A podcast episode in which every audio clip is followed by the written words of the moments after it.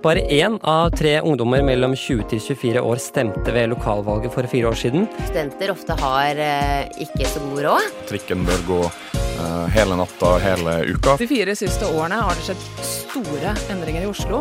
Valgekstra. På Radio Nova med Studentnyhetene og Opplysningen.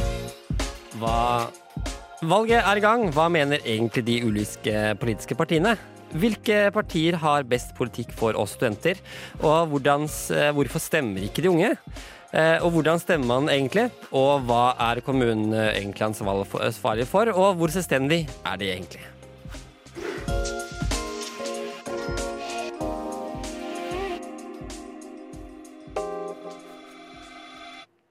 Velkommen til Valgekstra med opplysningen og studentnyhetene. I studio er Sander Zakaria og Ingar Jakob Feiring. Hva er kommunene ansvarlig for, og hvor selvstendig er det egentlig? Magnus har intervjuet professor i statenvitenskap fra UiO, Jan Erling Klausen, for å finne ut mer.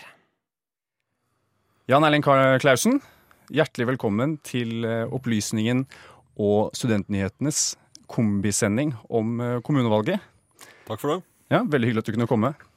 Du er førsteamanuensis ved Institutt for statsvitenskap ved UiO. Og når jeg leser på bioen din, så er du noen som passer midt i smørøyet for å snakke med oss i dag. Du spesialiserer deg på kommunal politikk og forholdet mellom staten og kommunene. Hva er det egentlig kommunen driver med? Ja, altså kommunene, Mange tenker jo vann og avløp og renovasjon og folk som står og graver i jorda, og det er jo riktig, det. Eh, prinsippet er ellers at jo mer spesialisert tjenesten er, jo høyere opp i systemet kommer det. Så kommunen har jo på en måte de mest grunnleggende tingene, da, med grunnskole, primærhelsetjeneste, kommune, kommunale veier ikke sant, til minsteveiene, også eldreomsorg. Barnevern, sosialtjeneste. ikke sant, Med en gang du snakker om høyere utdannelse, kirurgi eller motorveier og sånn, så er det høyesteridelsesnivået. Men når det er de enkleste tjenestene, så er det nede i kommunen. Og de, så har de også ansvar for å planlegge da, og bestemme hvor det skal bygges boliger og industri og butikker. og også mye på kultur og utvikling av kommunen på ulike måter. Så det er et veldig bredt spekter av oppgaver, da. Så er det et eksempel på en typisk velger som best burde fokusere på kommunevalget, med det de er interessert i? Egentlig ikke, fordi at kommunen omfatter jo på en måte alle oss som bor i Norge, fra vugge til grav. altså. Det er jo fra, fra på en måte hjemmebesøk under barsel ikke sant, og til fødselsstasjoner. og det er skole og SFO og eldreomsorg, så kommunen følger deg på en måte hele livet. Og alle har jo sånn sett en interesse av hvordan kommunen deres blir drevet.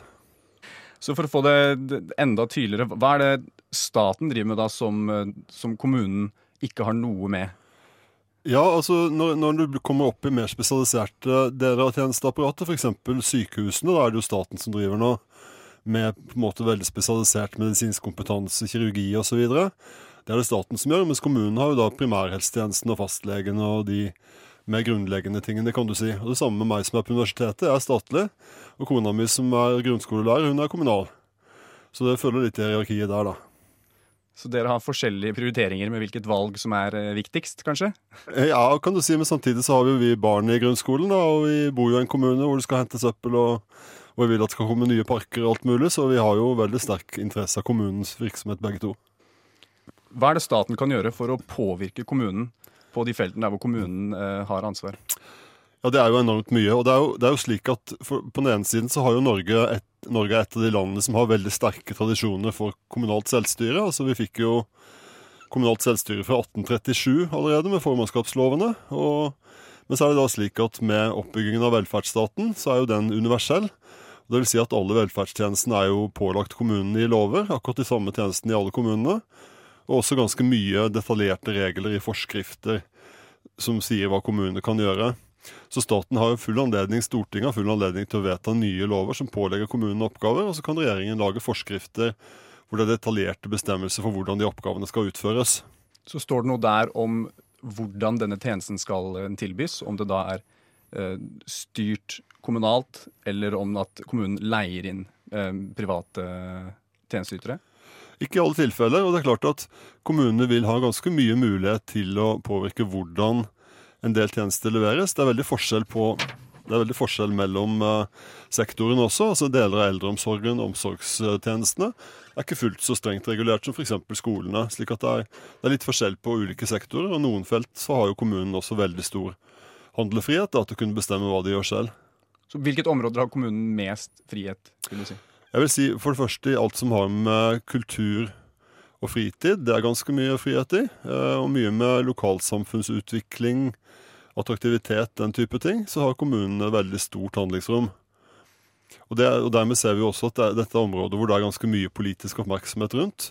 Og det er jo forståelig, for der finner du jo noe du kan gjøre, noe du kan endre på. ikke sant? Mange kommuner jobber jo veldig aktivt med å fremstå som gode attraktive kommuner med gode på en måte, Det ser pent ut, det er fine parker, det virker attraktivt å bo der, og ikke minst kulturtilbudet. ikke sant? Jobbe med mange bygger kulturhus og satse på å støtte det lokale kulturlivet. og Det er sånne ting som kommunen har veldig stor frihet da, til å legge opp selv. Så når vi kommer rundt til, eh, til stortingsvalg, og dersom du skulle være mest interessert i kulturlivet, da, um, vil det da si at du egentlig ikke har like mye ikke har like mye å si i stortingsvalget, sånn sett, fordi kommunene står veldig frie der? Ja, det vil jeg nesten si i forhold til det kommunale kulturtilbudet. Så vil jeg si at er jo, da er det virkelig kommunevalget du bør se på hvilke partier og hvordan de har tenkt å gjøre det i kommunen din. altså. Det vil jeg si. Men da et, et statlig kommunalt et, et, statlig kulturtilbud, vil det da vært eh, lover som sier hvor mye penger som skal brukes på det, f.eks.? Ikke i kommunene. altså Den statlige kulturpolitikken går jo med på de statlige institusjonene. ikke sant, og Teaterne, operaen og museene osv. Så, videre, så Så der står kommunene mer fritt til å gjøre det de kan innenfor budsjettrestriksjonene, selvfølgelig. Hva tror du er de beste argumentene for og imot eh, større grad av eh, kommunal autonomi? Ja, du, kan si, du må tenke litt på hvilke tjenester det er snakk om. fordi at uh, Innenfor velferdstjenestene som sagt, så er det jo en universell velferdsstat hvor alt er lovpålagt. og det må det nesten være. ikke sant? Og en del, en del tjenester der så er det jo også veldig viktig at man følger eh, bestemmelsene rett og slett av hensyn til livet og sikkerhet og helse. ikke sant? Med medisinering på sykehjem og med barnevernssaker osv. Så, videre, så er det jo veldig viktig at de nasjonale kvalitetsnormene blir innført. Så det er jo på en måte ikke noe vits i å lage større selvstyre utover det som er faglig forsvarlig, da, kan du si. Vil jeg jo si.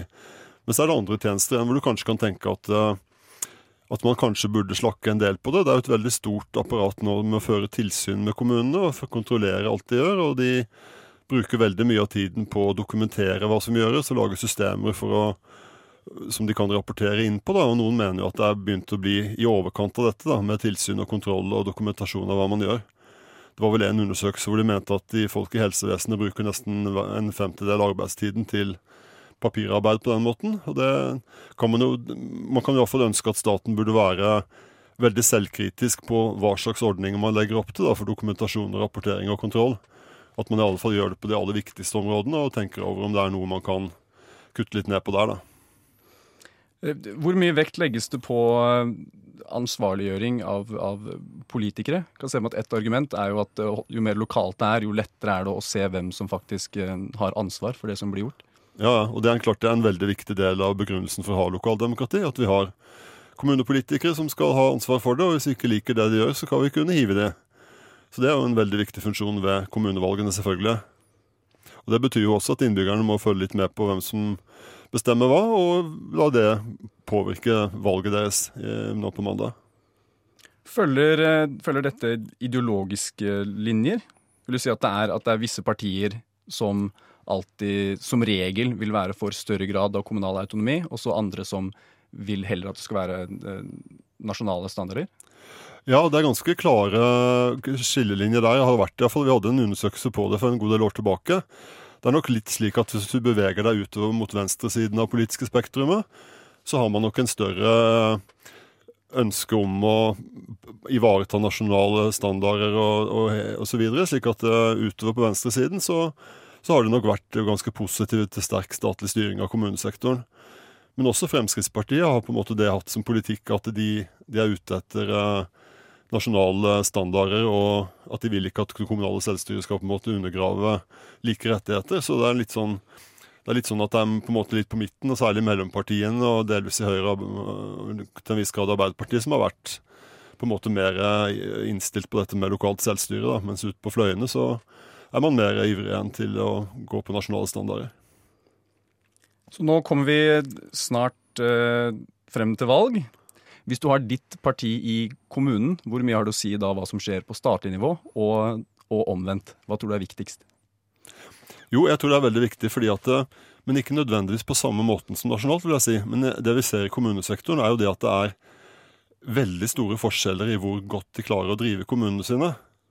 Altså, og det er klart En del forskjeller skyldes jo at du har ulike kostnadsnivå og ulike inntektsnivå som det er vanskelig å, å, få helt kompensert for, selv om systemet utjevner en del. Men det er rett og slett forskjellig evne i kommunene til å drive kommunen godt. Noen kommuner drives fantastisk godt, og noen kommuner drives forferdelig dårlig det, men, det, men, det, er jo på en måte ikke en partipolitisk eller ideologisk skillelinje. Det går jo med på de folka som sitter der, og hvilke omstendigheter som har vært i den kommunen. Da. Det kan jo ha vært så mye. Men så, så jeg vil jo si at du, du kanskje, kanskje vel så mye i kommunevalget er det viktig å tenke litt over hvor godt syns du egentlig kommunen blir drevet. Kan du finne noen opplysninger om hvor godt kommunen din ligger an i forhold til sammenlignbare kommuner? Og så skal jeg da forvente mer av politikerne. Hvis det da er de samme politikerne som har styrt en del år, så kan du kanskje tenke på om du vil bytte de ut med noen andre. og da, da, er det ikke sikkert at det blir det samme som partivalget ditt nasjonalt. For jeg tenker jo også at, eh, Og det er også en vanlig oppfatning at ideologi ikke betyr fullt så mye i kommunevalgene, i kommunepolitikken. Det kan det være noe i, for det er klart at i og med at vi lever i en velferdsstat alle sammen, så, så er jo på en måte mange av de store ideologiske valgene tatt allerede. Samtidig så er det jo en del spørsmål som også er ideologisk brennbare i kommunene. og det jo har jo ikke minst vært det som går på anbud og konkurranseutsetting og privatisering. Der har vi jo sett en ganske klar sånn partipolitisk skillelinje også i kommunene. da. Eh, men har du noen eh, siste ord til alle som er på vei til eh, urnene i kommunevalget?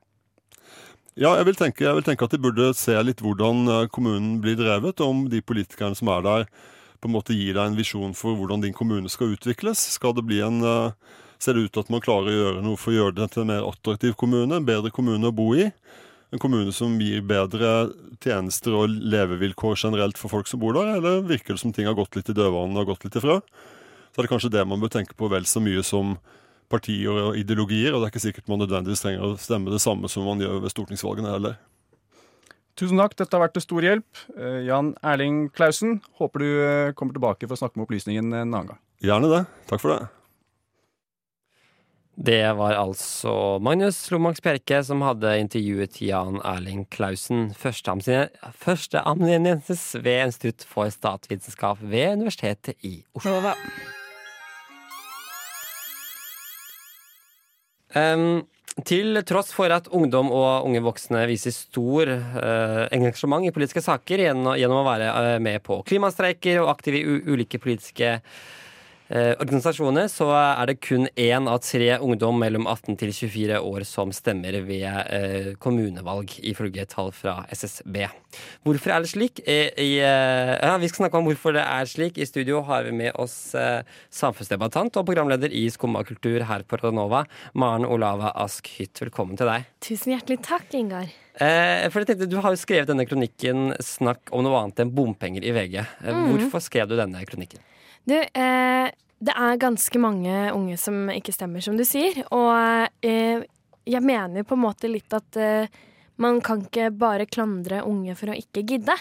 Eh, det er mange, mange grunner til at eh, politikk kanskje virker lite engasjerende for uh, unge. Og du må nesten følge med på alt hvis de skal klare å, å engasjere deg og henge med på hva som diskuteres. Så uh, valg og, og, politikk er ganske vanskelig for unge som ja, driver med mye. Det føles kanskje utilgjengelig, og ikke minst uh, mye av debatten går litt over hodet på de som, som skal stemme for første eller andre gang. da. Mm. Ja, for det, Bompenger har jo vært en veldig, mye debattert sak denne, dette valget. Har det blitt for mye bompengedebatt, syns du? Uh, ja, eller jeg kan forstå veldig godt uh, at det snakkes mye om bompenger, og jeg vet at det engasjerer mange, og det er viktig for mange. Men for å få unge til å stemme, så må det snakkes om andre ting også. Fordi jeg kjører ikke bil, og jeg eier heller ikke bolig, så bompenger og eiendomsskatt, som liksom er de to største faktorene i kommunevalget i år, det treffer meg ikke i det hele tatt. Eh, jeg savner veldig at det snakkes mer om ting som, som engasjerer unge, og det er masse i kommunevalget som er avgjørende for, eh, for unge mellom type 19-20 år og 25, da. Eh, det som er eh, rart, syns jeg, er at det ikke snakkes mer om tannhelse. Veldig få studenter har råd til å gå til tannlegen. Det snakkes ganske lite om eh, studentboliger, det er, samtidig som det står flere tusen unge i studentboligkø. Eh, det er eh, ja, unge har ikke forsikring. Det er, ja, det er så masse som, som, burde prates mer om, og særlig inn mot valget, for at unge skal forstå eh, at deres stemme kan ha noe å si, da. Mm. Er, er, partiene for, for, dårlige til å trekke frem slike saker du påpeker? Altså, det, er jo, det fins jo partier som er både for gratis tannhelse og, og, diverse, og flere studentboliger er de fleste partiene for. Mm. Ja, de er altfor dårlige på å trekke det fram, absolutt. Og så er det også media eh, en viktig hva kan man si, spiller her. Fordi at eh, de store mediehusene vektlegger bompenger og bompenger og bompenger. og det gjør det også vanskelig. Så mediehusene har også et kjempestort ansvar for som, eh, hvor, hvordan oppslutningen det blir til valget. Eh, og unge så leser jo ikke lokalavis, eh, så da er det faktisk hva som står på NRK og hos Aftenposten, VG, Dagbladet som har noe å si. Og når det ikke engasjerer de som er eh, under 40, så blir også valgoppslutningen lavere, tror jeg. Mm. De store mediene er ikke her i studio i dag, men eh, ungdom er jo veldig interessert altså jeg følger veldig med på hva som skjer i USA med Donald Trump, og de følger veldig med på det som skjer i Storbritannia med brexit og sånne ting. De er veldig engasjert i internasjonal politikk. Er de for lite opptatt av det som skjer i Norge og, og, og lokalt i Oslo? Eh, jeg tror ikke at de er for lite engasjert i det hele tatt. Vi ser jo at unge er engasjerte. Altså, det er jo eh, klimabrøl, og vi donerer penger til regnskogen, og vi går eh, i Pride-paradet, ikke sant. Det er, det er, masse som gjøres og engasjeres i Oslo, men Eller og i Norge generelt også, ikke bare her. Men eh, det er kanskje eh, lettere å mene noe om eh, de kjempestore sakene. Eh, mens eh, når du må sette deg mye inn i ting, så, så krever det mer, og det er vanskeligere å ja, henge med. Og så lever vi jo busy liv, da, alle sammen. Så det å ha tid til å lese om eh, ja, bompengedebatten kanskje blir litt nedprioritert, rett og slett. Hvorfor er det slik at ungdom lar være å stemme, tenker du?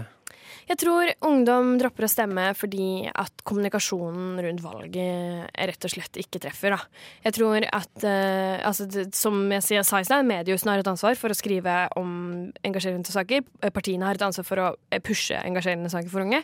Men så tror jeg også at kommunikasjonen rundt liksom, det praktiske er også avgjørende. Jeg synes for eksempel Det er kjemperart at vi i 2019 ikke kan stemme på nett. At ikke jeg kan logge inn med bank-ID og eh, avlegge stemmen min gjennom Altinn. Eller, altså, jeg syns det er kjemperart. Eh, Eh, og jeg syns også at eh, det er vanskelig, altså du, litt kronglete å finne informasjon. Og så blir man sånn OK, men skal jeg stemme på bydelsutvalg? Nei, for jeg er ikke folkeregistrert her, så da er det noe annet. Og her får ikke jeg eh, kryssa på noen fra Kragerø som jeg er folkeregistrert i. Altså, ja, hele liksom, prosessen med, med, valget er litt eh, kronglete, litt eh, diffus. Og eh, kanskje litt sånn at du blir litt sånn jeg orker ikke å bruke tid på det, så jeg lar være. Jeg føler faktisk at man altså, can't blame dem hvis du ikke stemmer, og det er veldig dumt, fordi det er dritviktig å stemme. Eh, så eh, det er også sånn at eh, de har sett at eh, regjeringen og eh, stortingsrepresentantene hadde vært Altså det hadde vært et, en helt annen sammensetning hvis alle unge som har stemmerett, hadde brukt den. Og det syns jeg er ganske interessant. Det hadde jo eh, Ja, vi, hadde, vi på, kan påvirke ganske mye mer enn det vi tror, da. Og når det bare er eldre som stemmer, så er det jo også eh, politikken for eldre som blir prioritert. Fordi det er eh, de partiene som satser på eldre, på en måte, som, som får mest å si. Eh, og det er også veldig, veldig dumt, da. Og så stemmer unge på unge, og det er altså viktig. At vi eh, får flere unge inn på storting, får flere unge inn i kommunestyrer, får flere unge inn i fylkesstyrer. Sånn at eh, det er flere som taler vår sak, da. Men jeg tenkte på, Du, du nevnte litt om er, det folk at det var vanskelig å stemme. Er det, blitt, er det, er det vanskelig å stemme? Ja? Nei, ikke i det hele tatt. Det er jo kjempelett. Det tar tre minutter. Eh, du svinger innom og får papiret i henda, eh, krysser av det du vil, leverer det, og så viser du legitimasjon, og så kan du gå. Så det er ikke vanskelig, men det kan føles vanskelig, og så blir man litt sånn Ja, OK, hvor kan jeg stemme? Eh, kan jeg stemme nå? Er klokka for mye Eller er det åpent hele dagen? Eh, må jeg stemme i den bydelen jeg er registrert til? Kan jeg stemme hvor som helst? Eh, det hvilke dager eh, kan man stemme? Når begynner forhåndsstemningen?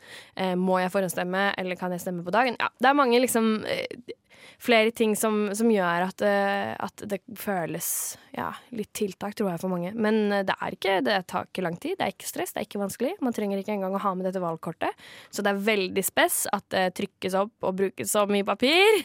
Men det er en annen sak. Så nei, det er ikke vanskelig i det hele tatt. Eh, Og de fleste har vel tid til å bruke tre-fire minutter på å svinge innom et valglokale. Hvis du ikke har tid, så, så liker jeg å si at da er du unnskyldt. Men hvis du ikke har tre minutter i løpet av en dag, så er du også et supermenneske. Så kanskje du får det til likevel. Ja, for det er jo, Man har kunnet forhåndsstemme nå eh, ganske lenge, og i dag er siste Hvis man ikke er folk, folkeregistrert i Oslo, så er det siste måte, må, dag å stemme i Oslo, i hvert fall, hvis Ja. du ikke er registrert der. Hvis ikke så må du reise hjem på mandag. Ja, det jeg tror jeg er litt kjipt. Men er det, altså, man, man har kunnet forhåndsstemme nå i, i flere uker, og man, noen, noen til og med fått lov til å forhåndsstemme så tidlig som i august. Så det har jo vært, det har jo vært en, la, øh, en lang periode man kunne stemme, eller kunne ha stemt. Eh, Er det liksom men, men du syns likevel det er for lite tilgjengelig likevel, da, selv om det er veldig mange lo- valglokaler over Oslo? Nei, Jeg syns ikke det er for lite tilgjengelig, men jeg tror at uh, mange unge uh, føler at det er uh, litt styr, da. Eh, Jeg tror det er mye det det går på. Det er styr, og så er det liksom eh, hvor viktig er min stemme? Eh, har det noe å si? Svaret på det er selvfølgelig ja. Men altså tror jeg altså det, ja, kommunikasjonen er Enten så går det litt over hodet, det er saker som ikke engasjerer, eller så er det veldig sånn partiene prøver å snakke ungdommens språk, som bare er tull. De fordummer unge, de fordummer eh, sakene. Og de får politikk til å handle om at Erna Solberg spiser en kanelbolle. Det er ikke politikk, og det burde ikke handle om hvem som har mest lættis memes i en valgkamp. Det burde handle om hvem som har best politikk for unge. Da syns jeg at partiene bør være mye flinkere på å eh, presentere hva de gjør for unge, istedenfor å dele at de dansa rart i Pride-paraden. Det får bli siste ord i denne omgang. Eh, vi skal eh, også ha CD-sendinga eh, fortelle deg hvordan du faktisk stemmer. Eh, vår reporter Nora har vært og stemt. Eh, Det er bra. eh, takk til deg, eh, samfunnsdebattant og programleder i Skumma kultur her på Radnova, Maren Olava Askhytt. Tusen takk. Radio Nova. Gjennom de siste ukene har Studentnyhetene hatt, eh, hatt de ulike partiene innom sendingen for å prøve å finne ut hvilket parti som har best politikk for studenter. Uh, og Vi skal jo da høre appeller fra alle partiene senere i sendingen, men nå har vi med oss eh, leder i Velferdstinget, Gard Løken Frøvold. Eh, og Gard, dere har jo gjennomført en test dere av valgprogrammene eh, for de, til de ulike partiene, dere også. Hva, det, altså, hva var det dere så på i den testen? Altså, hvilke kriterier var det dere vurderte de ulike partiene i? Vi prioriterte etter eh, syv kriterier, som jeg kan egentlig ramse opp. Det er litt korte. Det ene er at vi ønsker at studenter skal få, skal få studentrabatt på kulturtilbud her i Oslo. Og så ønsker vi å styrke det nattlige kollektivtilbudet med hovedfokus på fadderukene. Vi ønsker å ha bysykkelstativer ved alle studentbyer og studiesteder. Og så ønsker vi å tilby studentidretten flere idrettsarealer. Vi ønsker å jobbe for et nytt studenthus i sentrum. Vi ønsker flere studentboliger. Og vi ønsker å redusere prisen på kollektivtrafikk for studenter. Altså, hvorfor valgte dere akkurat disse punktene? Det var noe som eh, kom til eh, i fjor, for ca. et år siden. Fordi jeg var jo politikk- og medieansvarlig i fjor. Så jeg i samarbeid med forrige leder utformet kriteriene og sendte de til parti... mm, Sendte in, politikkinnspill til partiene, da. Og så håpet vi at de skulle ta inn flest mulig, men i tillegg så har vi sett at uh, f.eks. det med eh, flere studentboliger, det, det er et punkt vi har lagt til i ettertid, fordi det er noe vi ikke kom med innspill til, men som vi ser at faktisk er veldig er enda viktigere i år enn det var i fjor. Da. Altså, det er jo bra for studenter å få og boliger og, øh, og, og billigere både buss og, øh, kulturtilbud. Men hvorfor er det, var det så viktig for dere å ha med nytt studenthus i sentrum? Det var noe som sto i handlingsplanen vår i fjor, og som også står i år, at det, det er noe Velferdstinget vil, og Velferdstinget ønsker seg et studenthus i sentrum. Man har ikke bestemt seg om adresse og utforming ennå, men det, det er et krav fra studentene her i Oslo. Altså, tenkte, hvem var det som, hvem var det som gjorde det dårligst i den testen her? Det var vel eh, Senterpartiet som fikk en ternekast én. Eh, Hvorfor ble det akkurat terningkast én til Senterpartiet? Det var fordi de, de oppfylte færrest av disse kriteriene. Fordi vi hadde liksom gradert system med 0, 1 og 2 poeng. Og de endte da opp med å treffe studentene veldig få ganger og nevne få av de relevante sakene for oss. Og endte da opp med lav, en veldig lav poengsum. Og da valgte vi å bruke hele terningen. da. Eh, Vi studenter, vi har jo da pratet med, med Morten Edvardsen, andrekandidat i Oslo Senterparti, i en tidligere sending da vi intervjuet han om eh, antall studentrelevante saker i deres program. Kan du bare høre hva han svarte på det? Har dere Senterpartiet glemt studentene når dere skrev deres valgprogram for Oslo? Altså Mulig, men årsaken til det er jo først og fremst at de, liksom, de store studentpolitiske sakene som, som eh, studiestøtte og utdanningstilbud, og for så vidt også mye av velferdstilbudet, avgjøres jo ikke i kommunen. Eh, men jeg er helt enig i at Oslo kommune er nødt til å ta et stort og viktig ansvar som, eh, som vertskommune for de høyere utdanningsinstitusjonene som er her, og legge tomta til rette for studentboliger annet, og sørge for et godt kollektivtilbud som, som sikrer studentene en god studentrabatt. Jeg hørte hørt han, eh, Det er mange saker som ikke, ikke eh, festes på, på i, i kommunen. Altså, hva, hva, er, er du enig i eh, Morten Eddi fra Senterpartiet? Eller Morten Eddi Edvardsens meninger? Ja, for så vidt så er jeg enig i at uh, dette, er, dette er ikke en nasjonal test og ikke en sånn generell test om hva alle studenter bør stemme, men det er en uh, test for hvilke partier som vil øke studentvelferden i Oslo i neste periode, da, etter, etter hva de har skrevet i partiprogrammene sine og uh, hva de har gjort uh, forrige periode. Så det er helt riktig at mye bestemmes nasjonalt, men det er også veldig mye som bestemmes lokalt. Og sånn som vi i Velferdstinget, som jobber for Oslo og Akershus-studentene, er helt avhengig av å ha politikere som ønsker å hjelpe oss og ikke motarbeide oss. da. Eh, Hvilke partier var det som kom best ut i den testen deres? Best ut var eh, Venstre og Høyre med en sekser og en femmer. Og så kom Arbeiderpartiet og KrF på en firer. Så det er de på en måte partiene som gjorde det ganske godt. da.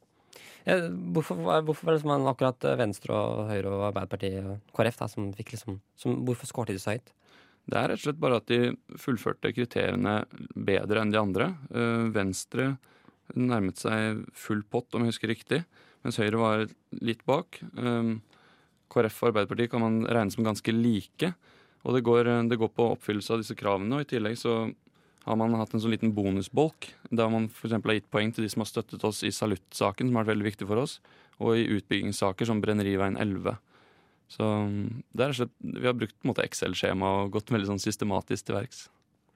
Ja, fordi alle disse, disse partiene her som du nevner, de har jo Vi, har, vi, vi gjorde også en slags test. Vi søkte egentlig bare på ordet student i valgprogrammet deres. Eh, og både Høyre, Arbeiderpartiet og Venstre og forstått KrF har jo ganske høye De har veldig mange ganger de, gjen, altså de, de, de gjentar ordet student. Blant annet Høyre og Arbeiderpartiet er jo oppe i 23 og 22 ganger de som skriver ordet student.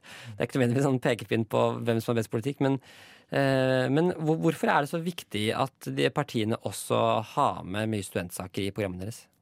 Vi syns det er utrolig viktig, fordi det, det handler om livet til så mange mennesker her i Oslo. Vi er eh, rundt 70 000 bare SIU-registrerte, så er det vel snakk om 80 000 studenter i Oslo totalt. Og det utgjør over 10% av Oslos befolkning. Så vi ønsker virkelig å ta vare på denne gruppen, og at partiene skal fatte det ansvaret de har overfor å være en studentby. og prøve å på en måte bidra til at Oslo skal bli Norges beste studentby. Og det, så vi syns det er veldig viktig å um, gjøre det tydelig hvilke partier som er for oss her nå, og hvilke som er litt mindre for oss. Eh, Det får bli siste ord denne gangen. Takk til eh, leder i Velferdstinget i Oslo og Akershus, Kari Løken Frøvold. Tusen takk. Studentnyhetene. Opplysningen. Studentnyhetene! Opplysningen! Studentnyhetene! Valgekstra. På Radio Nova med Studentnyhetene og Opplysningen. Nova. Et stort spørsmål når det kommer til valget er hvor, hvem skal jeg stemme på? For mange kan en valgprosess virke svært uoversiktlig, og det er vanskelig å navigere seg i å finne ut de ulike, hva de ulike partiene mener. Derfor har vi samlet appeller fra de ti ulike partier som stiller til valg i Oslo, og for å prøve å hjelpe deg med å finne det riktig, gjøre det riktige valget. De siste ukene har Studentnyhetene hatt besøk av kandidater fra ti av partiene som stiller til valg i Oslo. Mot slutten av hvert intervju og hver debatt har kandidatene fått lov til å holde en appell på ca. 1 12 minutt. Nå skal vi få høre en deilig potperi av alle disse intervjuene i en helt tilfeldig trukket rekkefølge. Og den første vi skal høre fra, det er Omar Sami Gamal, tredjekandidat fra SV. Vi har to store utfordringer i samfunnet i dag. Det ene er de økende forskjellene. Forskjellskrisa, ulikhetskrisa. Det andre er klimakrisen. Måten vi skal løse det på? Jo, det er skolene. Skolene er utrolig viktig. Det forrige byrådet de kutta 350 millioner kroner. Vi eh, økte budsjettene deres med 400 millioner kroner. Det betyr noe. Hvem betyr det noe for? Det betyr noe for Aisha i klasserommet, eh, som, som eh, er i en klasse med, med, med mye støy. Med, som har utfordringer hjemme, som ikke har tid til å, til, til å gjøre leksene. Vi skal være der for alle elevene. Og så er det klima. Vi har en klimakrise. Regnskogen brenner. Eh, bilistene forurenser. Det må vi få en slutt på. Da skal vi styrke kollektivtransporten i byen vår. Ti minutters avganger i indre by. Ti, eh, nei, fem minutters avganger i indre by, ti minutters avganger i ytre by. Vi eh, må få ut de private ut av velferden. Hver krone som går til velferd, det skal havne hos barna, hos de unge, hos de eldre. Og vi må ta et ordentlig oppgjør med rasismen i samfunnet. Det holder med nikking og neiing til Sylvi. Vi trenger et ordentlig oppgjør med en handlingsplan mot islamofobi og eh, et ombud i Oslo som SV går til valg på. Der hørte vi altså Omar Sami Gamal, tredjekandidat fra SV. Og den neste vi nå skal høre fra, det er Alberte Bekkhus, sentralstyremedlem i Rød Ungdom. Personlig så stemmer jeg Rødt fordi politikken i dag gjør at jeg føler både apati og avmakt. Forskjellen øker, spenninga i verden øker, høyreekstremismen øker, og ikke minst har vi en klimakrise tilsynelatende ingen har en løsning på. I en verden med mye politisk tomprat er Rødt et friskt pust med klar tale. Rødt ønsker et samfunn med små økonomiske forskjeller og økt demokrati. Retten til gratis høyere utdanning er et gode. Det er utjevnende, og det er noe vi ønsker å styrke. Vi vil øke studiestøtta til 2,5 G og redusere låneandelen til 40% så studenter slipper å leve under fattigdomsgrensa. Vi vil ha statstilskudd til minst 5000 nye studentboliger årlig, og vi ønsker bedre barnehagetilbud og tolv måneders studiestøtte for studenter med barn og mere til. Vi vil demokratisere både studiestedet og arbeidsplassen og gjøre det enklere for førstegangskjøpere å komme inn på boligmarkedet. Rødt tar kampen for en levelig jord også etter endt studietid. Vi har en sosial, grønn politikk, vi satser på grønne arbeidsplasser, gratis kollektivtransport og sier nei til mer oljeleting. Men når 100 selskaper står for 71% av utslippene, blir det feil å lempe ansvar over på vanlige folk.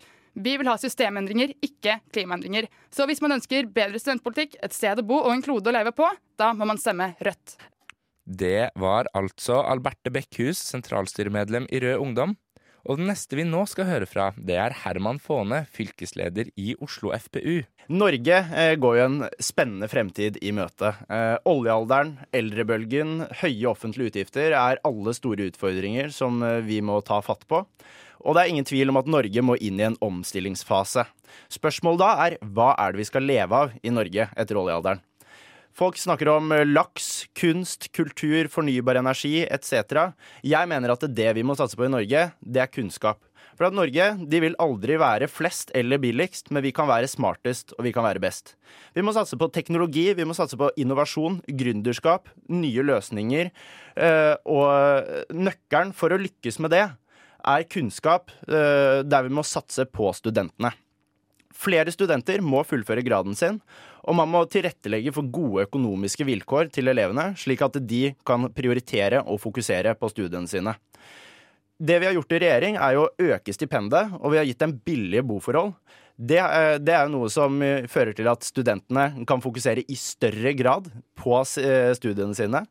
Eh, I tillegg så er det viktig å få inn mer praksis i skolen. Eh, at eh, folk kan få praksisplasser, og at man har et nært forhold mellom studentene og næringslivet, slik at man får relevant erfaring. Og der har regjeringen satset i stor grad. Det var Herman Faane, fylkesleder i Oslo FPU. Og den neste vi nå skal høre fra, det er Henrik Dahl Jacobsen. AUFs ungdomskandidat og sjuendekandidat i Oslo Arbeiderparti. For valg som dette så mener jeg det er viktig å se litt over de lengre linjene. I dag forteller én av tre av oss unge at vi er bekymra på hvordan fremtida blir. For vi skal ha råd til å komme inn på boligmarkedet, for vi skal få en fast jobb å gå til etter utdanningen, for klimaendringene og for forskjellene mellom folk som øker. Jeg stemmer Arbeiderpartiet, for jeg tror politikk kan gjøre framtida vår bedre. Jeg tror at vi kan kutte klimagassutslippene og samtidig holde folk i jobb. Jeg tror at vi kan skape et boligmarked der også førstegangskjøpere kan komme inn uten å få hjelp hjemmefra, og at vi kan hindre at forskjellene mellom folk vokser. De siste fire årene har det skjedd noe her, her i Oslo. Vi har sørget for 4000 flere avganger i uka på kollektivnettet. Utslippene går ned, lufta er renere, antall nye boliger som er bygd har aldri vært større, og vi gjør det med de tingene som vi unge bekymrer oss om for fremtida. Nå skal vi fortsette den jobben og gjennomføre en historisk klimasatsing og kutte 95% av utslippene våre innen ti år. Den nye T-banesystemet skal bygges slik at alle T-banens linjer får femminutters avganger. Vi går til valg på å gjøre det enklere for deg som ung å skaffe bolig, og når du er ferdig utdanna skal du ha tryggheten på å få en fast og trygg jobb. Arbeiderpartiet går til valg på sterkere fellesskap der vi bruker de store pengene på de tingene som betyr mest i politikken. For selv om ingen av oss vet akkurat hvordan framtida blir, så vet vi at den blir bedre hvis man møter den sammen og ikke alene. Der hørte vi altså Henrik Dahl Jacobsen, AUFs ungdomskandidat og sjuendekandidat for Oslo Arbeiderparti. Den neste som skal i ilden, det er Hanna Markussen, byråd for byutvikling fra MDG. De fire siste årene har det skjedd store endringer i Oslo. Før Miljøpartiet De Grønne tok over, hadde klimagassutslippene enten stått stille eller økt i 20 år, og det samme ser vi nasjonalt. I Oslo går vi nå den andre veien. Vi har kuttet utslippene med 16% og vi har laget en plan for hvordan Oslo skal bli verdens første utslippsfrie storby innen 2030. Det får vi til fordi vi prioriterer. Bomringen gjør at biltrafikken går ned, at lufta blir renere, og at vi får bygd ut viktige kollektivprosjekter. Viljen til å fjerne parkeringsplasser gjør at vi bygger ti ganger mer sykkelvei. Og med mindre plass til bilen, så har vi skapt en triveligere by med mer byliv. Men vi er på ingen måter i mål. Oslo trenger enda mer sykkelsatsing, triveligere møteplasser og bedre og ikke minst billigere kollektivtransport. Og vi trenger at utslippene skal fortsette å gå ned. En viktig satsing som jeg gjerne vil trekke frem, er å fjerne cruisetrafikken som tar opp de fineste arealene langs fjorden. Vi mener at vi kan bruke disse områdene på bedre måter til badeplasser, til grøntområder og til restauranter. Fordi det er bra for miljøet, og det er bra for oss som bor og som bruker byen vår. Er du enig i at Oslo bør fortsette å lede an i å løse de store miljøproblemene verden står overfor, og at det må gjøres på en måte som gjør byen vår enda bedre å bo i? Da håper jeg at du stemmer på Miljøpartiet De Grønne. Det var altså Hanna Markussen, byråd for byutvikling fra MDG. Og den neste appellanten vi nå skal høre fra, det er Anna Dåsnes. Ungdomskandidat og sjettekandidat i Oslo fra Venstre. Vår visjon for Oslo det er å skape en by som gir folk størst mulig frihet. Og Det er derfor skole er eh, en av eh, våre hovedsaker. Eh, vi må sørge for at Oslo-skolen gir alle innbyggerne det grunnlaget som trengs for å kunne leve frie liv, ta selvstendige valg og se muligheter for seg selv. Og vi vil gi mer frihet til skolen. Mer frihet til lærerne og mer frihet til elevene. De utfordringene vi har i skolen i dag, de løser vi ikke med mindre valgfrihet for ungdommen, men med mer. Vi må etablere flere skoler med tydelige fagprofiler, slik at alle kan velge en skole der de får mulighet til å fordype seg i sine interesser. Vi må gi unge flere muligheter til å ta, uh, å ta videregående på, sånn at enda flere kan fullføre. Og jeg er ikke så opptatt av om elevene lærer fra åtte til halv fire eller fra ti til seks. Om de lærer på skolen eller hjemme, om de tar matte på videregående eller på universitetet. Jeg er opptatt av læring. Og som et liberalt parti så veit vi at tanken om at skolen blir best når alle lærer det samme samtidig og på samme måte, det er feil. Men det viktigste valgløftet vi har for å styrke skolene, det er ganske enkelt. Vi vil gi dem mer penger. Eh, for det er det som gir skolene frihet. Og for Venstre så er det viktigst at alle skolene har rom til å prioritere det som eh, er best for deres elever. For noen skoler så betyr det kanskje å innføre et gratis måltid, og for andre betyr det kanskje en ny mattelærer. Og for noen skoler så er det noe helt annet, og det er greit. Det viktigste er at vi gir dem nok rammer til at de kan prioritere. Skolen trenger mer frihet, ikke mer detaljstyring. Så håper jeg du stemmer eh, Venstre, som er kåret til eh, det beste partiet for studentene her i Oslo, og i tillegg gir et kryss til en student. Det var altså Anna Dåsnes, Venstres ungdomskandidat og sjettekandidat i Oslo. Den neste som skal i ilden, det er Morten Edvardsen, andrekandidat for Senterpartiet. Senterpartiet i Oslo går til valg på en by med små forskjeller og levende eh, lokalsamfunn. Vi ønsker at de som bor i de kommunale utleieboligene eh, skal få lavere husleie, sånn at de har mer å leve for og slipper å tenke på om de klarer å betale den neste husleia. Vi går til valg på levende lokalsamfunn, der vi har grønne, trygge bydeler, der folk kan føle at de har makt over sin egen hverdag og sine egne lokalsamfunn. Derfor ønsker vi å styrke lokaldemokratiet i Oslo. Oslo skal være en god studentby. Derfor trenger vi å bygge ut flere studentboliger. Kommunen må legge til rette for flere tomter, eh, og vi er nødt til å bruke de byggene som står tomme i dag, til studentboliger istedenfor eh, ingenting. Vi ønsker at kollektivtilbudet i Oslo skal bli enda bedre. Vi ønsker at kollektivtilbudet på tvers av bydelene skal bli eh, så sømløst som mulig, sånn at ikke alle må til sentrum. Sånn at man kommer seg raskt og enkelt rundt omkring i byen på en miljøvennlig måte. Vi ønsker å legge til rette for studentkultur. Kommunen må ta ansvar for at det er, ledige, at det er lokaler tilgjengelig for studenter som ønsker å drive med ulike egeninitierte kulturarrangement. Vi ønsker å satse på uh, de gratis møteplassene uh, i byen. Det gjelder bl.a. bibliotekene, det gjelder parkene våre, og det gjelder uh, Sukkerbiten, som skal være en åpen folkepark for, for folk i byen. Dersom du ønsker en by med mindre forskjeller og levende lokalsamfunn, håper jeg du vil stemme på Senterpartiet. Der hørte vi altså Morten Edvardsen, andrekandidat for Senterpartiet. Og den neste kandidaten vi nå skal høre fra, jo, det er Andreas Oftedal, som er leder i Høyres studenter. God studentpolitikk er god fremtidspolitikk. Men god studentpolitikk vedtas ikke bare av regjeringen.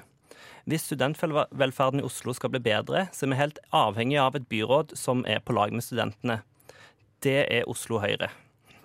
Vi går inn for å bygge flere studentboliger sentralt i Oslo, sånn at studentene har tilgang på det mangfoldet Oslo har å tilby. Det hjelper ikke at regjeringen vedtar bygging av rekordmange studentboliger, når vi har et byråd i Oslo som ikke evner å realisere den utbyggingen. Og Når vi først skal bygge ut T-banen, så kan vi være litt mer ambisiøse enn de rød-grønnes forslag med kun to ekstra stopp. Oslo Høyre vil gjøre det lettere å reise grønt. Derfor foreslår vi å bygge ut T-banen til Bislett, Sagene, til Løkka og Ullevål sykehus. Flere studenter må kunne bo billig, og de må ha lettere tilgang på grønn transport. Oslo har omtrent 74 000 studenter. Man skulle tro at det var lett å finne venner og være sosial i en så stor studieby, men det viser seg ikke alltid være det. Altfor mange er ensomme, og altfor mange sliter med psykiske symptomplager. Derfor er vi nødt til å ha et løft i det sosiale tilbudet til studenter. Vi er for at studenten skal ha et eget studenthus i sentrum. En arena hvor studenter kan treffes på tvers av interesser og uansett hva de studerer. Skal vi bekjempe ensomheten, så må vi gjøre det sammen. Og det er sammen vi gjør Oslo til en bedre studentby. Og der hørte vi Andreas Oftedal, leder i Høyre Studenter, den neste som skal i ilden, det er Sania Khan, tredjekandidat i Oslo KrF. Oslo KrF drømmer om en varmere by med plass i alle. Oslo skal være en by hvor det er godt å vokse opp, hvor det er trygt å bli gammel, og hvor du har alle muligheter for å leve et meningsfylt liv i tiden midt imellom. Oslo skal være en by hvor alle barn og unge skal få drive med den aktiviteten de selv vil, uavhengig av lommeboka til foreldrene. Derfor vil vi gi et fritidskort på 5000 kroner til alle barn mellom 6 og 18 år i Oslo. Oslo skal være en god studentby som det er naturlig at man slår seg ned i etter endte studier. Da må vi legge til rette for både småbarnsfamilier og single, med et godt kollektivtilbud og gode barnehager der folk bor. Oslo skal også være byen som går foran som et grønt forbilde. Vi vil at Oslo i 2030 skal være verdens første utslippsfrie hovedstad, som går foran og viser at det gode liv ikke er avhengig av eksos og privatbilisme. Vi som politikere skal gjøre det enkelt for folk å ta gode og miljøvennlige valg i hverdagen. Derfor vil vi også utrede muligheten for at elbilene kommunen disponerer til hjemmetjenesten på dagtid, kan brukes til bildeling for resten av kommunens innbyggere på kveldstid når de ellers bare står parkert. Oslo KrF vil at Oslo skal være en by for alle. Da må vi la folk kunne ta forskjellige valg i sin hverdag, og flytte mer makt fra byrådets runde bord til kjøkkenbordets hos familiene. Vi må også stille opp for dem i byen vår som har, det minst, som har minst, og som trenger politikken mest. En stemme på KrF er en stemme for en varmere by, med plass til alle. Takk. Det var altså Sania Khan, tredjekandidat i Oslo KrF. Og den siste vi nå skal høre fra, det er Cecilie Lyngby, andrekandidat fra Folkeaksjonen Nei til mer bompenger. For elever er det 10% regel for fravær. Denne er for streng, skaper også urettferdighet. Vi mener at den må vekk. Vi ønsker å styrke kvaliteten og opprettholde, øke antall lærere i skolen. Elever opp til 19 år bør få reise gratis med kollektivtransport mellom 7 og 17. Vi ønsker bedre vedlikehold av skoler. Vi ønsker at alle barn skal få gå på nærskole i eget lokalmiljø. Fritt skolevalg. Om det er økonomisk bærekraftig for kommunen, ønsker vi tilbud om gratis skolemat. Det skal være mulig å bringe hente barna ved skolen, barnehagen, i en travel hverdag. Det skal være nulltoleranse overfor mobbing og trakassering i skolen. Sikkerheten er også viktig å oppjustere. Vi ønsker også at alle bydeler etablerer fritidsklubber. Det må bli lettere for de unge å etablere seg i boligmarkedet. Med alle klimautfordringer vi har, mener jeg at dette er noe vi alle må bidra med, ikke bare én gruppe, sånn som det er i dag. Da prater jeg selvfølgelig om bompenger, som er usosiale og treffer de med minst. Svevestøvet er jo det, det, støvet som er et problem, da det er disse partiklene som faktisk tar tur ned i lungene, som alle prater om. Det svevestøvet kommer fra tungtransporten. Vi må da vaske veiene oftere, som andre byer i andre land gjør, og da vil vi bli kvitt svevestøvet. Videre ønsker vi da å ha en vei rundt Oslo eh, som kan redusere trafikken inn gjennom sentrum med 30% Det vil si tungtrafikken kan jo da gå utenom sentrum. Vedfyring, det må reduseres betraktelig. Det er også støv som ikke er så bra for oss. Samt at vi må jobbe med plastikk. Plastikk i havet, og ikke få det ut i havet. Vi må samle, vi må få folket til å stå opp, og her må vi gjøre dette sammen. Og den siste kandidaten vi hørte der, det var altså Cecilie Lyngby, andrekandidat fra Folkeaksjonen Nei til mer bompenger. Det var alle appellene. Jeg håper dette har hjulpet dere med å skjønne litt hva de ulike partiene står for, og kanskje dere er litt mer klare for å gå til stemmeurnene den 9. september. Der hørte du altså de ti største partiene stiller til valg i Oslo. Dette innslaget ble laget av Sander Zakaria, og, innslaget, eh, og eh, i innslaget hørte vi Amor med Katarina Elisa. Studentnyhetene presenterer i samarbeid med Opplysningen. Vår visjon for Oslo det er å skape en by som gir folk størst mulig frihet. Ja, vi ønsker jo et uh, sosialistisk uh, folkestyre. Da. God studentpolitikk er god uh, fremtidspolitikk. Valgekstra på Radio Nova med Studentnyhetene og Opplysningen. Gidder ikke, gidder ikke med himla der på Valgekstra. Og noe du absolutt bør gidde, er jo å stemme. For har du lyst til å stemme, eller er litt usikker på hvordan man egentlig gjør det, da må du følge med, på, uh, følge med nå. Nora Torgersen tok nemlig turen ned til valglokalet utenfor rådhuset for å stemme her om dagen. Der fikk hun snakket med kommunikasjonssjefen for valget i Oslo, som kunne lære henne hvordan, man, uh, hvordan det å stemme foregikk. I dag så er dagen kommet hvor jeg skal eh, stemme, men jeg er litt usikker på hvordan liksom, det foregår, og i hvert fall i Oslo, for jeg har ikke stemt i Oslo før, for jeg er jo ikke herfra egentlig. Heldigvis skal jeg nå da snart få hjelp av kommunikasjonssjef ved valget i Oslo, Ingvild Aasgaard, som skal rett og slett forklare meg hvordan dette her funker, sånn at jeg kan bare altså, gå inn og stemme. Jeg tok eh, valgomat i går og er, eh, føler meg superklar. Og det var dette Ingvild hadde å fortelle. Ja, For det første så er det veldig fint at du skal stemme, for det er jo viktig. ikke sant? Altså Ved å delta og bruke stemmeretten, så deltar du aktivt i demokratiet, og det er veldig bra. Det første du må gjøre, er jo å ta et valg. Du må bestemme deg for hvem det er du skal stemme på. Så møter du opp ved et valglokale. Vi har 28 forhåndsstemmesteder rundt omkring i Oslo. På valgdagen så er det faktisk hele 103 valglokaler. Så her kan du velge. Det som er viktig å huske på er at Hvis du forhåndsstemmer, så du, da kan du stemme i hele landet. Men på valgdagen så kan du kun stemme i det, den kommunen som du var folkeregistrert i per 30.6. Så det som eh, du gjør da, du går til et uh, forhåndsstemmested. Og Da blir du møtt av en valgmedarbeider. Valgmedarbeiderne er i lokalet for å sørge for at alt går riktig for seg, men de er også der for å svare på spørsmål hvis det er noe du lurer på. For det skal være enkelt å stemme. Eh, og hvis det er noe du lurer på både mens du er inne i avlukket eller når du kommer fram for å, å putte stemmeseddelen i urna, så ta tak i en valgmedarbeider, så kan de svare på alt mulig. Og de har også taushetsplikt. Men kan de svare på alt? Ikke hva du skal stemme på. Der Nei. går grensa. Og så er det viktig å huske på at du må være helt alene inne i avlukket. For valget ditt, det skal du ta usett og i enerom. Som det står i valgloven. Og det, det, er vi veldig heldige som har i Norge. At vi, vi, kan stemme, og det er hemmelig. Vi vet at det er hemmelig. Og så må du passe på å brette stemmeseddelen din. Fordi da har jo jeg med en stemmeseddel. Vi kan øve litt. Det er jo så greit. Så her har jeg en fra et, et parti. Da, eh, og da er kommunestyreseddelen i Oslo den er eh, med tre ark. Så det som er viktig, er at du bretter den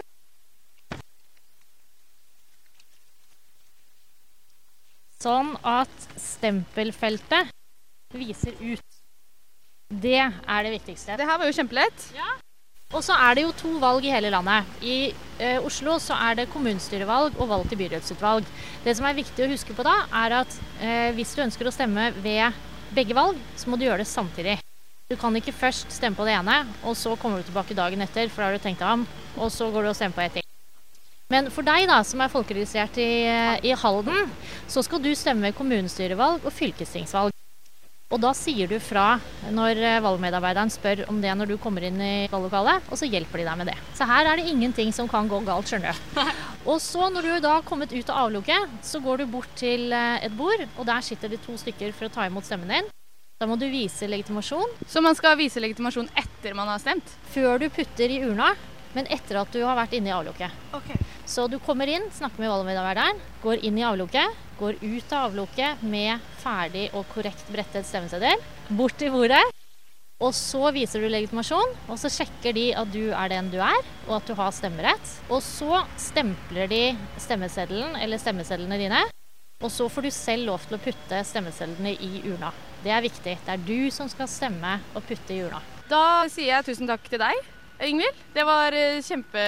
Takk for eh, god hjelp og gode tips. Bare hyggelig og godt valg. Da har jeg nettopp vært og stemt.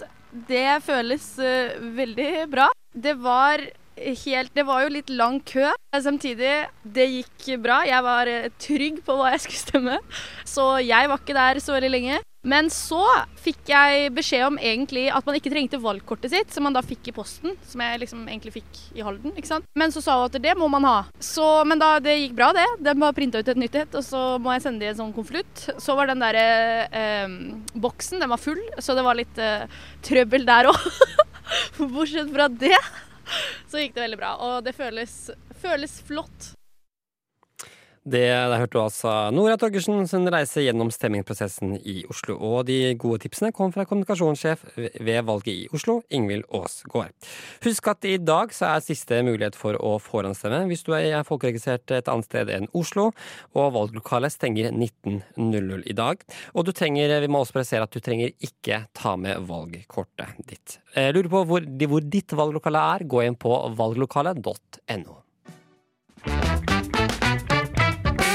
Bare én av tre ungdommer mellom 20 til 24 år stemte ved lokalvalget for fire år siden. Det må vi få en slutt på. Opplysningen og studentnyhetene tar valget.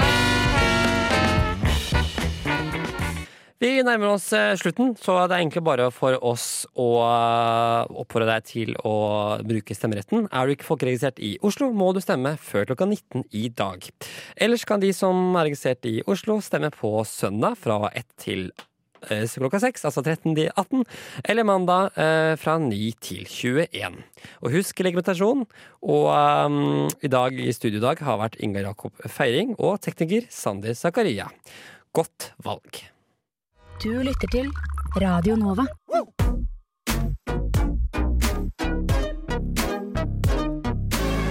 Radio Nova. Studentradioen i Oslo. Radio Nova. Ja. ja. Hva? Nova? Ja.